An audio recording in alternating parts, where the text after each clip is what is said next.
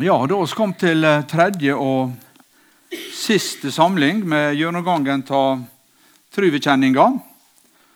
Og uh, I dag så er det tredje trusartikkelen vi skal stanse for. Hva tror jeg egentlig på? har vært tema i disse torsdagskveldene.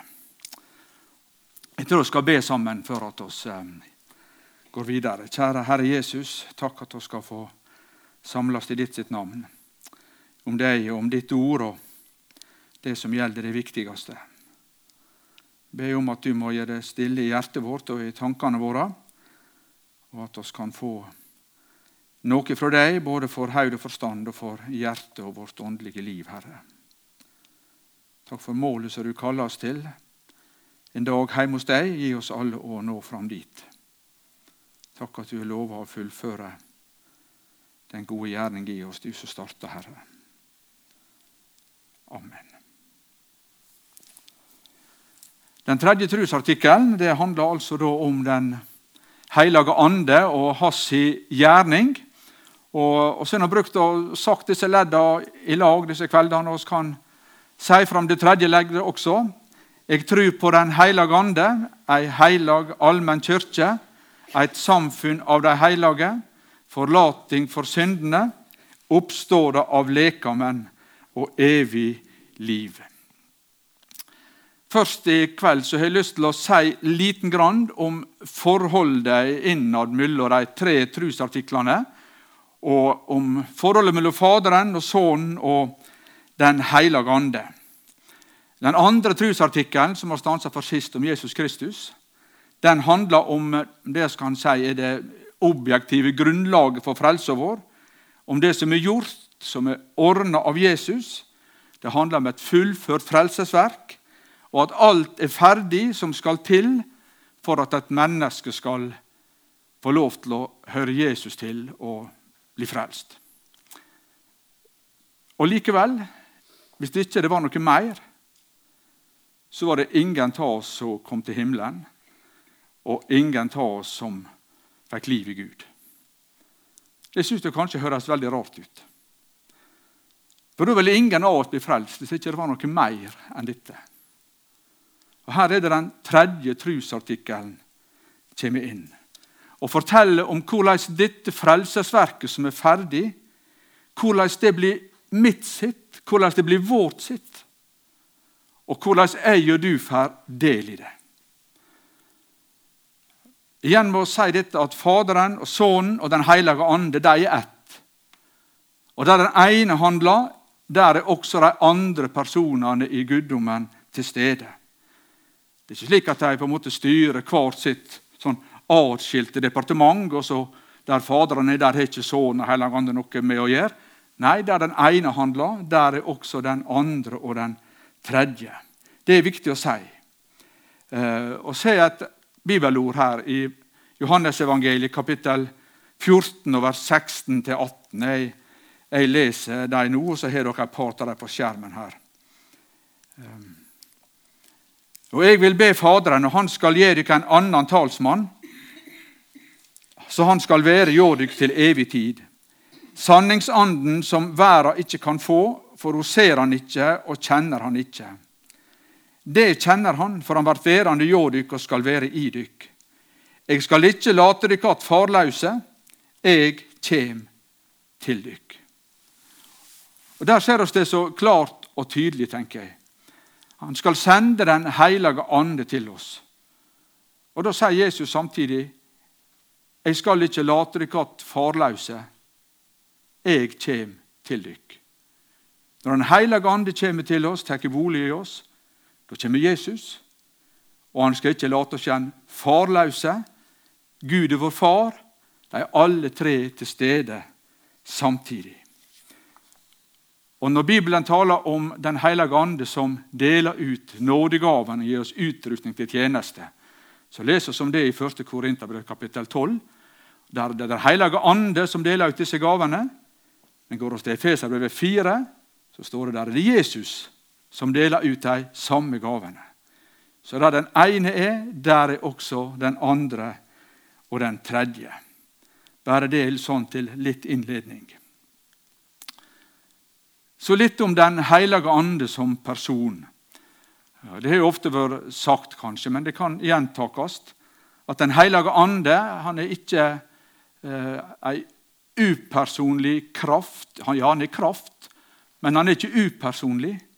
Bibelen taler om han som, som han, som en person i den treenige Gud. Um, og så kan lese om det her, og las det nettopp i Johannes 14. her, ikke sant? Um, og jeg vil be Faderen, og han skal gi dere en annen talsmann, så han skal være hjå dykk til evig tid. Og vers 26.: Men talsmannen, Den hellige ande, som Faderen skal sende i mitt navn, han skal lære dere alle ting og minne dere om alt det som jeg har sagt dere. Det er altså avskjedstalen til Jesus, der han taler om Den hellige ande, sin person og den gjerninga som han har å utføre. Pinsedagen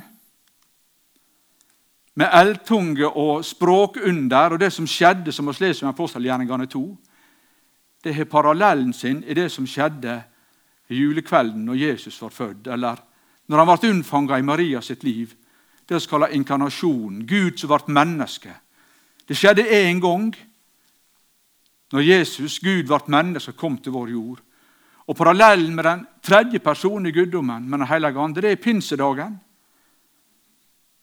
Da eldtungene kom og satte seg synlig på apostlene og de andre som var til stede, og språkunderet som skjedde da alle plutselig hører sitt eget språk, var talt av tolv personer, apostlene, men det var langt flere språk. De hørte ikke sant? Et under som skjedde. Den hellige ande han er kommet for å bli hos oss, med alt som det fører med seg. Han skal overbevise oss. Han skal leie fram til hele sannheten, las oss. Han skal herliggjøre Jesus. Han gir nådegave og utruster oss med kraft til tjeneste. Han er talsmannen vår, som taler Guds sak i vårt hjerte. Og han ber for oss i vårt hjerte. Slik som Jesus, den første talsmannen, er vår talsmann hos Gud og ber for oss i himmelen.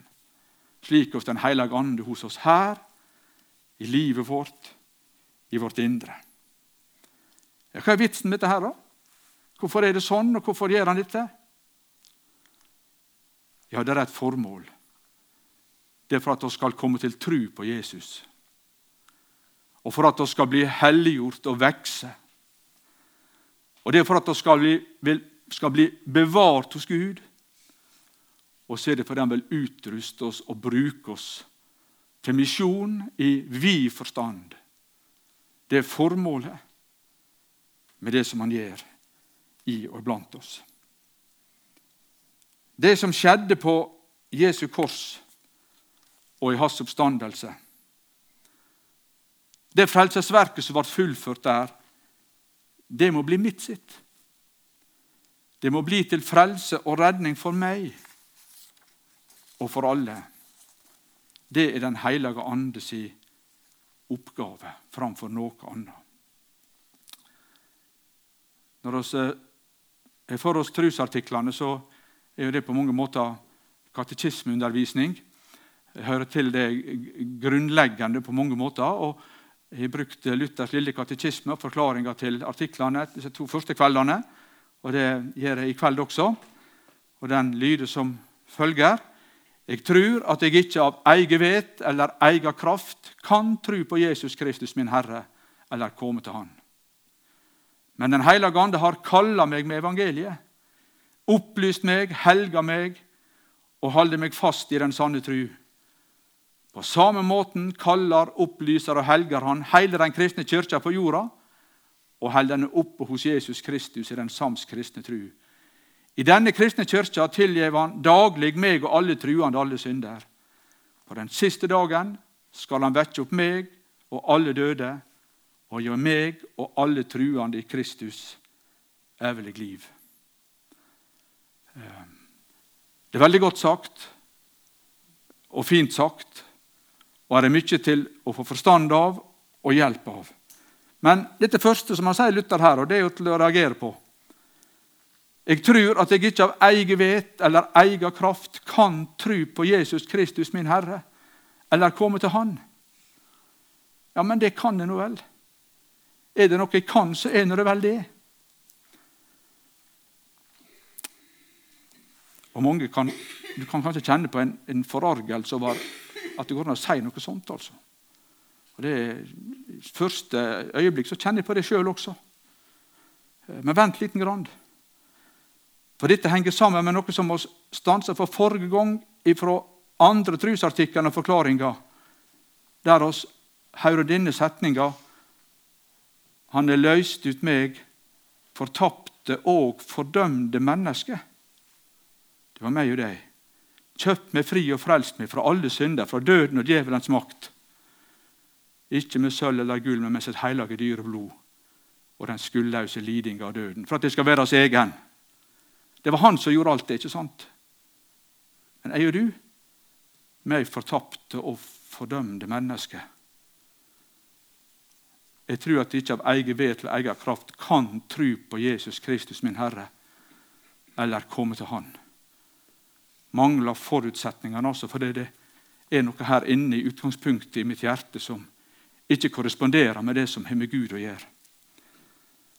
Et annet av bekjennelsesskriftene våre, den augsburgske av Confessio Augustana, artikkel 2, den uttaler det sånn.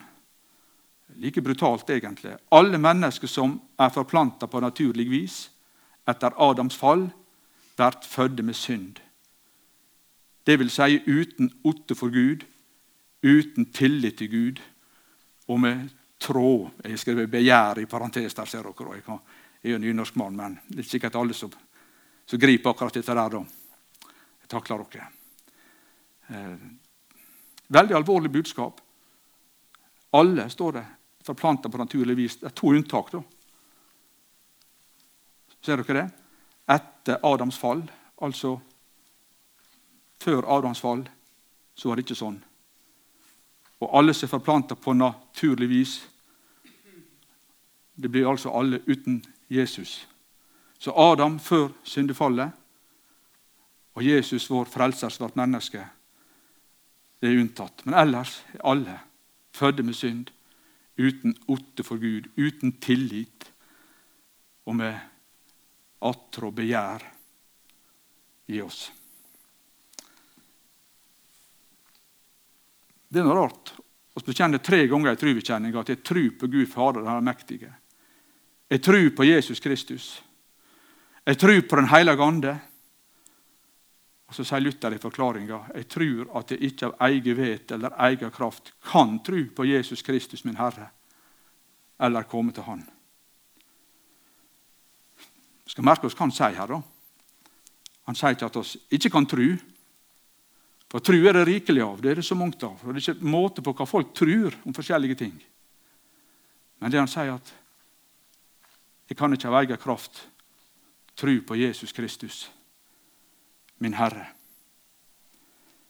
Eh, det er kanskje litt sånn å gå i nå, men den lille katekismen den har både en latinsk versjon og en tysk versjon. Og Den latinske versjonen der bruker Luther to forskjellige uttrykk for tru. Dere ser jeg streker under på skjermen. Første plassen, der det står 'jeg trur', der bruker han credo. Det som betyr å holde for sant. Dette er det hellige for sant og regner med. Sånn er det. Andreplassen, der bruker han fide, som betyr egentlig tillit. Det jeg fortrøster meg til, lener meg mot. Skjønner dere forskjellen? Jeg tror, ja, det kan jeg tro, og holde for sant. At jeg ikke kan eie denne tilliten til Jesus Kristus av meg sjøl. Hvorfor reagerer vi på at det er sånn? Ehm, en runde på en sak til. Første trosartikkelen. Jeg tror at Gud er allmektig. Han har skapt alt. ikke sant? Han har skapt meg. Og så lurer jeg på Når han skapte alt, og når han skapte deg, hva var ditt bidrag da? Hvor mye var det han gjorde, og hvor mye var det du gjorde? Dumt spørsmål, sier du. Ja, selvfølgelig. Han, han, gjorde alt. Han skapte meg. Det, det var kun han, ikke sant? Andre trosartikkelen. Når Jesus frelste deg og ropte ut at det er fullført på korset, når han døde og sto opp igjen for deg, hvor mye gjorde han, og hvor mye hvilte på deg av det? Alt på han. Alt på han. Ingenting på deg. Og Så skjer det merkelige, da. Når hun kommer til tredje trosartikkelen og begynner å tenke på hvordan jeg skal bli frelst, og dette skal bli mitt sitt. Da er det plutselig så mye jeg skal styre meg sjøl. Da hviler det så voldsomt på meg at jeg må få til å tro, og at jeg må, jeg må gjøre det ene og det andre for å forstå og gripe dette her. Og så roter alt seg til for oss. Forstår du sammenhengen? Første og andre skapelse og frelse, da er det bare Gud. Men når dette skal bli mitt, ja, da setter vi oss plutselig oss sjøl i sentrum. Ser du egentlig at dette er befriende? Jeg tror at jeg ikke av egen vet eller egen kraft kan tro på Jesus Kristus, min Herre, eller komme til Han. Trua som tillit til Jesus og frelsesverket hans, den må skapes i livet vårt. Det er Den hellige ande si gjerning Den hellige ande har kalla meg med evangeliet. Ser du det igjen? Det kommer utafrå. Jeg skal slippe å rote rundt i mitt eget hjerte og mitt indre for å finne ut om at jeg har kvaliteter, om jeg klarer å få til å bli en kristen og gripe dette her. Det kommer utafrå. Et ord og et budskap som taler inn i hjertet mitt om det som skjedde på Golgata, på korset. Det var en som kjøpte meg fri fra døden og djevelens makt for at jeg skulle være hans sin. Og det er ferdig. Så skjer det merkelige når jeg og du lytter til det budskapet. Skaper det noe i livet vårt.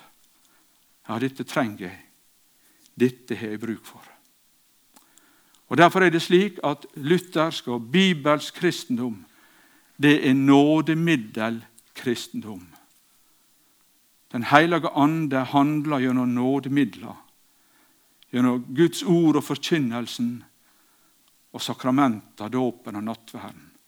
Der har han knytta sine løfter til, sagt at han kommer, at han handler, og framfor alt etter dette Guds ord og forkynnelsen av evangeliet. Romerbrevet kapittel 10 og vers 17. Litt slete ord kanskje som vi bruker ofte, men likevel så sant og så viktig. Så kommer da trua av forkynninga som en hører. Og forkynninga som en hører, kommer ved Kristi ord. Det begynte altså med Kristi ord, Jesus sitt ord og ordet om Jesus. Og så er det noen som bærer det ordet fram, forkynner eller du leser det. Så når det ørene dine, og så når det hjertet ditt. Og før du vet ordet av det, så har du fått ha tillit til Jesus og regna med det som han har gjort for deg. Ehm, jeg tror jeg bruker litt tid på det. Et, et av de plassene i apostelgjerningene som jeg er aller, aller mest glad i, det er kapittel 10. Når Peter står i Kornelius sitt hus og forkynner evangeliet for første gang til noen hedninger der. Ehm, apostelgjerningene 10, eh, vers eh, 42-44. Der står det slik Han han baud oss å forkynne for folket og vitne at han er den som Gud har sett til å være dommer over levende og døde. Han gjev alle profetene det vitnemålet, at alle som tror på Han, får forlating for syndene ved Hans navn. Medan Peter enda taler disse ordene, fall Den hellige ande på alle som hørte ordet. Merkelig hending. Før han var ferdig å snakke med, han la ut om at det er forlating for syndene ved trua på Jesus og det som han har gjort. Der og da flytta Den hellige ande inn i livet til de som hører på. Hva var det som skjedde? Ja, De kom til tru på Jesus uten å være klar over det egentlig sjøl.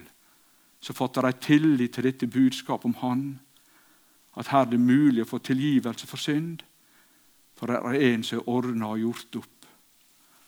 Så ble de født på ny. Den hellige ande tok bolig i hjertet deres. Et sterkt og godt eksempel fra Bibelen vår.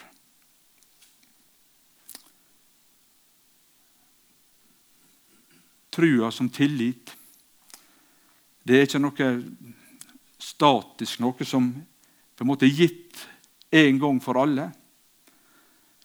Men det er alltid en levende størrelse i en kristen sitt liv. Den skal vokse, og den skal være i stadig bevegelse mot Jesus. Og mot hverandre i et praktisk nestekjærlighetsliv. Hvordan skjer det, da? Jeg tror det går an å si det sånn at det skjer ved de andre leddene i den tredje trusartikkelen. Nå skal vi se litt videre på dem. Jeg tror ei heilag, allmenn kyrkje bekjenner oss. Kyrkje her det er eklesia, som er ordet på gresk. Det betyr noe sånt som å være kalla ut, kalla sammen. Egentlig forsamling, enkelt og greit. Slik som det står i den nye 2011-oversettelsen, der det før stod kirkelyd, står det nå forsamling. Menighet på bokmål. Presist det er det det gjelder. Så kalla ut, kalla sammen. Ei forsamling. Um, og så er det oss som er ei forsamling som hører til. Og jeg tenker at Det har en forbindelse også til andre trosartikkelen, der han sier at Jesus er vår Herre. ikke sant? Og så hans folk, så hans lekam, hans kropp. Det er ikke bare jeg, men det er et oss, et fellesskap, som hører Jesus til.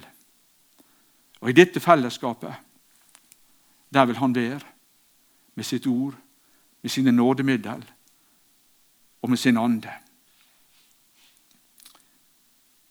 Kolossabrevet kapittel 1 vers 18 der kommer dette tydelig fram. Det står om Jesus sånn. Og han er hovedet for lekamen, som er kirkelyden. Han er opphavet, den førstefødde av de døde, så han i alt skal være den fremste. Tenk hvor stor han er, som dette står om. Og så er han hovedet for lekamen, for kroppen, som er kirka. Jeg syns det er fint. Fellesskapet vårt av oss som tror på Jesus. Kirka den er Kristi kropp, de som hører Han til. Og den er hellig nettopp fordi at den er utskilt for å høre Han til hans eiendom. 1. Peters brev, kapittel 2, vers 9. Ehm, der står det sånn at det er utvalgt ett, et kongelig presteskap, et heilagt folk, et folk til eiendom, så det skal forkynne Hans stordom, Han som kaller dere fra mørket til sitt underfulle ljos. Det er så store ting som er sagt om oss som hører Jesus til, at det må bare trues for at vi kan på en måte ikke klare å se det og gripe det. En utvalgt kongelig presteskap. Et hellig folk. Annerledes, altså. Til eiendom hører han til. Skal forkynne hans storverk. For han har kalla seg fra mørket over til sitt underfulle lys, sett inn i en ny sammenheng. En heilag, allmenn kirke. Så kan han sette på spissen og si det sånn da, at kirka den, den, er ikke noe, men den er noen. Det gjelder personer, altså. Den er ikke hva, men hvem.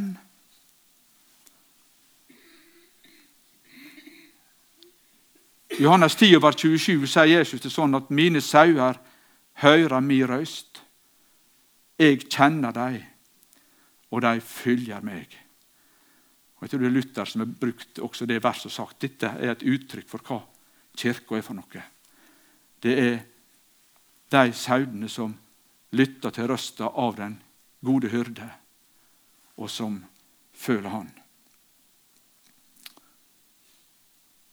Den hellige ande bruker nådemidler når han skaper dette fellesskapet, når han skaper denne kirka. Han har kalla meg med evangeliet. Jeg tar litt fra den andre bekjennelsen, Augustana igjen, artikkel 7. Kirka er forsamlinga av de hellige, der evangeliet blir lært reint og sakramenta forvalta rett. Ser du? der er to ting som må være på plass samtidig. Ja, det er forsamlinga av de hellige, de truende, og så at evangeliet blir forkynt rett. Og sakramenta blir brukt på rett måte. Så det er ikke det at vi på en måte som er på, på fjelltur, som gjør oss til kirka, at vi er i lag, eller på bowling, eller at vi har noen felles interesse sånn. Men det er når vi er samla, og Guds ord, evangeliet og nådemidler er i bruk. En heilag, allmenn kirke. Kirka er allmenn, bekjenner oss. Hva det vil si? Det vil si at den er egentlig for alle, uavhengig av stand og stilling. Galaterbrevet 3 og vers 28 bruker dette, disse uttrykkene om det. Se om vi finne fram her. Her er det ikke jøde eller greker, her er det ikke trær eller fri, her er det ikke mann og kvinne, for det er alle én i Kristus Jesus. Både træl og fri, jøde og greker, mann og kvinne. Så sier ikke dette verset at det ikke er forskjell på jøde og greker, for det er det jo. Og at det ikke er forskjell på mann og kvinne.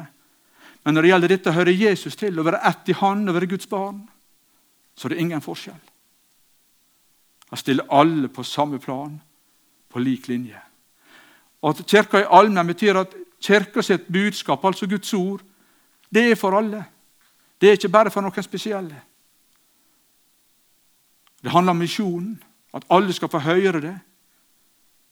Om å bli innlemma i dette fellesskapet. Og Det handler om det som vi kaller om det, det allmenne prestedømmet, som vi la fra 1. Peters brev i stad. At alle har nådegave, alle fortjener, alle får vitne om Jesus. Alle får være med der og har sine gaver og sin utrustning. Det er ikke bare noen få som skal si noe om Jesus, men du skal få lov til det. Alle skal få lov til det. Det er noe som er felles.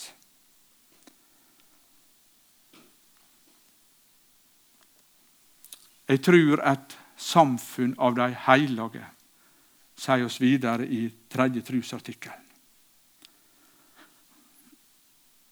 Jeg tenker at det går an å si at Kirka egentlig er usynlig. For det, at det er ikke mennesket gitt å si hvem som hører med der og ikke med der. Gud kjenner hjertet. Men samtidig så jeg kan bruke sånn uttrykk så at vi kan fornemme den. Vi merker at når vi er sammen, her er noen som har bruk for Jesus. Her er noen som ber til han.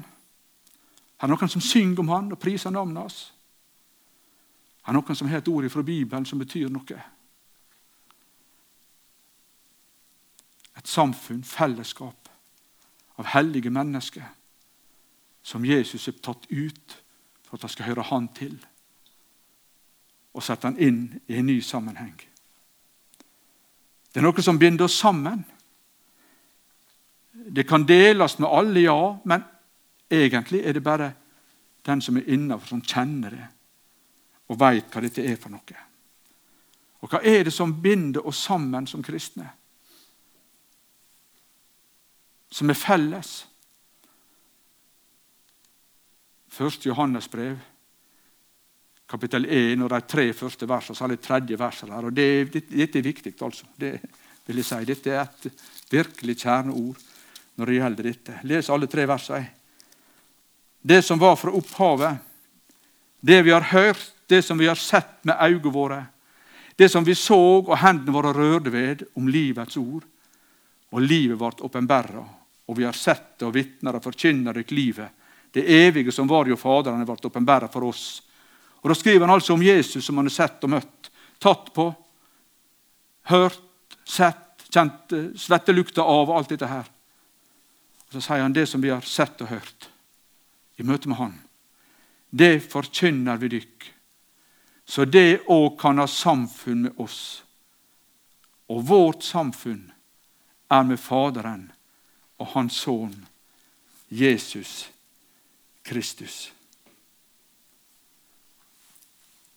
Det vi har sett og hørt, sier han, det med Jesus, det forkynner oss dere.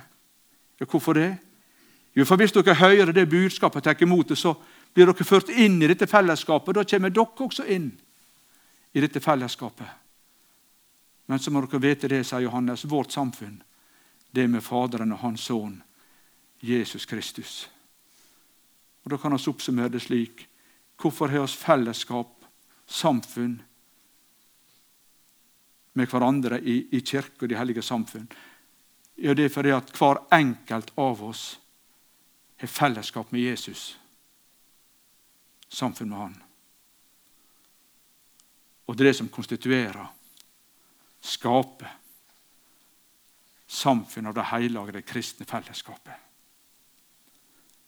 Og Derfor er det så viktig å dele dette budskapet. Det som er sett og hørt, forkynner oss dere også.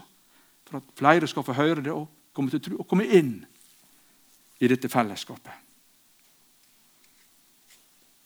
Og I dette fellesskapet der virker Den hellige ande til tru og til frelse for oss og til vekst for oss. Gjennom ordet og nådemidler og gjennom det allmenne prestedømmet at oss alle fortjener med gavene våre.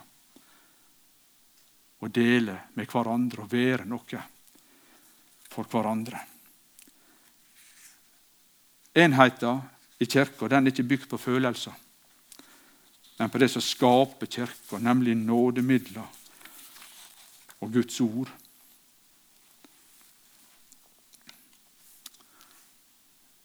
neste ledd i, i trubekjenninga vår. Det er jeg også glad i.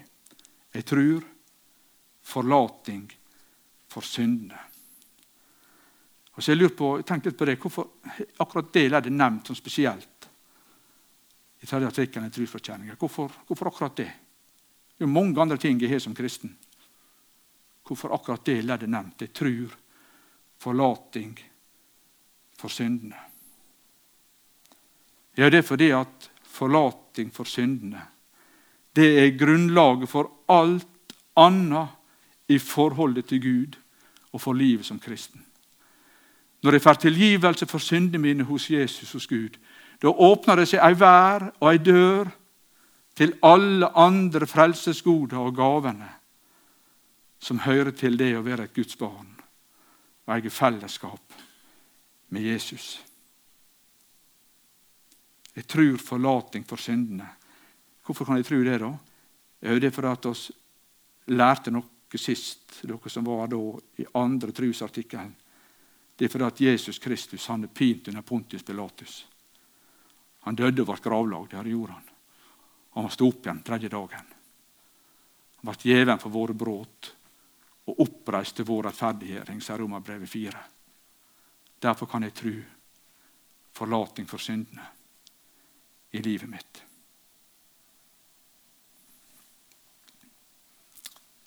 Jeg tror oppstår det av lekamen og evig liv.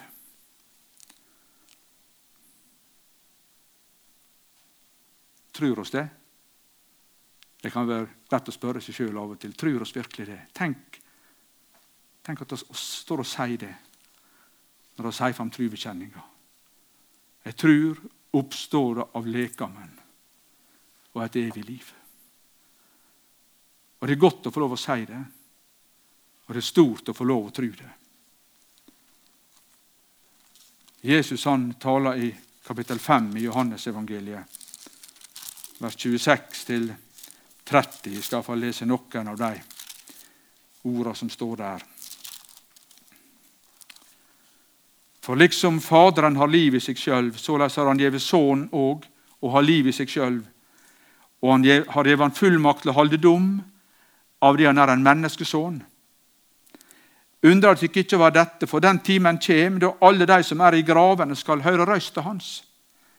Og de skal komme ut, de som har gjort godt for å stå opp til livet. Men de som har gjort vondt for å stå opp til dom. Jeg kan ikke gjøre noe av meg sjøl, etter det jeg hører, dømer jeg. Og dommen min er rettferdig, for jeg søker ikke min vilje, men Hans vilje som har sendt meg. Han sier altså det at en dag skal hans røst lyde, og så skal gravene åpne seg, og så skal mennesket komme ut. Jeg tror oppstår av lekamen og evig liv. Jeg eh, husker jeg var kanskje ti år, ja, noe sånt, ni, ti, elleve år kanskje. Vi så var ute i Borgund, på kirkegården der, på grava til bestefaren min. Han døde før jeg var født. Eh, skulle stelle grava. og Det var flere som var der, men jeg og bestemor ble gående i lag bortover grusgangen der litt lenger oppe på gravplassen etter at vi var ferdig å stelle grava. Og helt stilt. Jeg hørte bare knasa i grusen. og gikk bortover der. Og jeg forsto ikke og tenkte på noe. Og så sier hun plutselig disse ordene. Det skal bli en underlig dag når alt som ligger her, skal røyses, sier hun. Det har jeg ikke tenkt på før. Men jeg gikk jo altså og tenkte på at den dagen skal komme. Det skal bli en underlig dag når alt som ligger her, skal røyses. Fordi Jesus roper mennesker ut av gravene. Den dagen blir det et skille mellom de som tror på Jesus, og de som ikke ville ha noe med han å gjøre. Og Det alvoret hører med når vi sier fram disse ordene i trubekjenninga. Jeg tror på oppstådet av lekamen og et evig liv.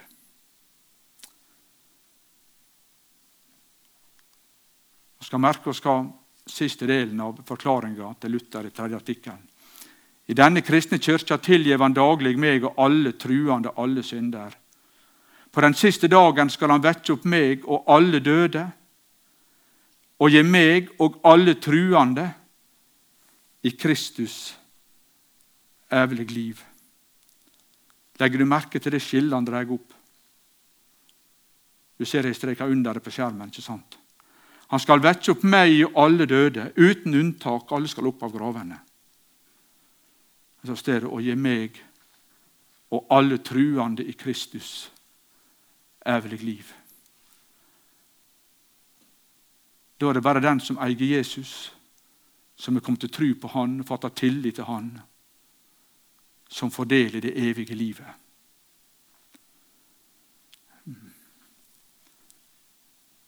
Jeg tror det er greit at vi nevner det av og til for hverandre. Jeg tror det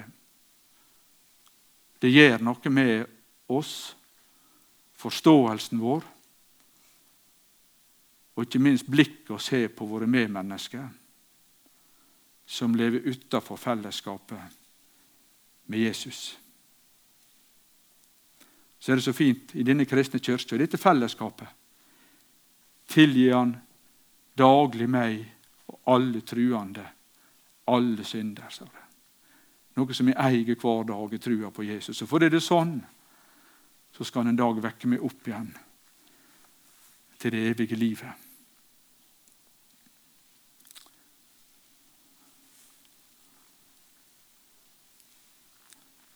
Det kristne håpet, hva er det festa hen?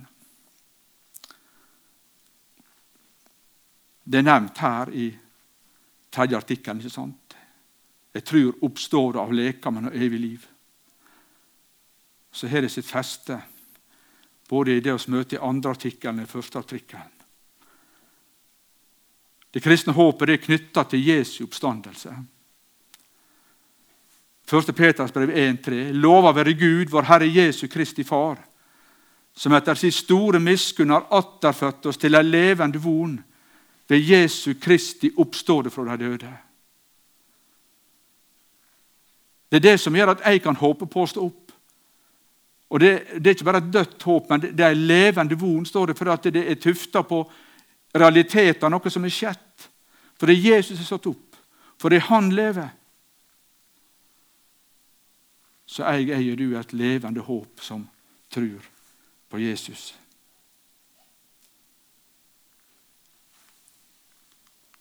Og Håpet det er også knytta til det er sitt feste i første trosartikkel. Det er knytta til Gud som skaper. For han skal en dag skape en ny himmel og en ny jord. Og Så leser de kapittel 21 og tre første vers i åpenbæringsboka. Og jeg så en ny himmel og en ny jord, for den første himmelen og den første jorda hadde kvorvet bort, og havet er ikke mer. Og jeg så den hellige byen, det nye Jerusalem, stige ned fra himmelen fra Gud, gjort i stand lik ei brur som er prydd for brudgommen sin. For trona hørte jeg ei høg røyst som sa:" Sjå Guds bostad der jo mennesker. Han skal bu hjå dei, og dei skal være hans folk, og Gud sjølv skal være hjå dei og være deira Gud. Guds skapermakt. Alt rundt oss forgår, men han makter å skape en ny himmel og en ny jord. Og så, Det var ny himmel og ny jord, men så er det også ny kropp. På han Lars som står her, og på de som sitter der, og på de som døde i trua på Jesus, og som ligger i gravene sine. Det blir en ny kropp. Eh, første Korinterbrev, kapittel 15, vers 42 og 43. Såleis er det òg med oppståda fra de døde. Det blir sådd i forgjengeligdom. Det står opp i uforgjengeligdom. Det blir sådd i vanære, det står opp i herligdom. Det blir sådd i vannmakt. Det står opp i kraft. Så kan samle disse tre uttrykkene som har med forgjengeligheten å gjøre.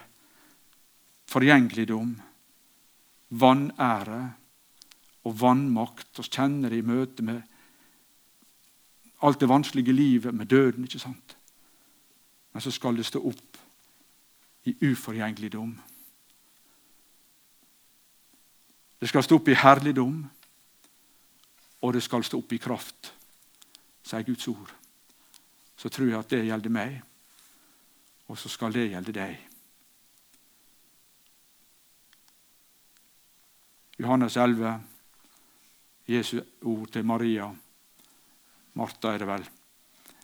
Jesus sa til henne, 'Jeg er oppståra og livet.' 'Den som tror på meg, skal leve om han så dør.' 'Og hver den som lever og tror på meg, skal i all æva ikke dø.' Trur du det? spør han. Tror du det? Så sier hun, 'Ja, jeg tror at du er Messias.' Guds sønn, sier hun. 'Jeg tror på deg, Jesus.'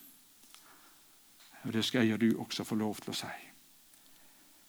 Ehm, det er noe kontrastfylt over det med gravene og døden. Og så det voldsomme som skjer når Jesus kommer igjen og roper oss ut og finner oss hver enkelt. En enorm kontrast. Og Den som kanskje best har formulert det, tenker, det er Thomas Kingo på 1600-tallet. slutten. Han er nesten han er rå i dette verset fra påskesalmen sin. Eh, det er den største av alle påskedagssalmer. Jeg sier det med et glimt i øyet, men det er sant likevel. Eh, du til livet meg skal vekke, det er din oppreisningskraft. La kun jordens støv meg dekke, ormer tære all min saft. Ild og vann oppsluker meg, dog jeg dør i tro til deg, at mitt liv når du befaler, reises opp fra dødens daler. Fantastisk. Han finner oss igjen uansett hvordan det har gått. altså. Det er oppstandelseskraft ifra Jesus som er grenseløs fordi han er Gud. Og så klarer han å finne oss der oss er. på den dagen.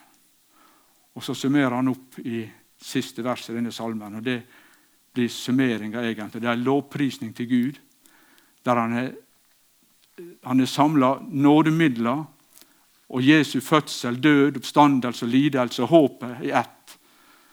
Det er kjempepoesi, syns jeg, og fullt av trøst og rikdom, dette verset. Takk for all din fødselsglede. Takk for alt ditt guddomsord. Takk for dåpens hellige væte. Takk for nåden på ditt bord. Takk for dødens bitre ved. Takk for din oppstandelse. Takk for himmelen du har inne. Der skal jeg deg se og finne. Dette tror oss på, lener oss på, bygger livet vårt på. Hver dag med oss lever her på jord.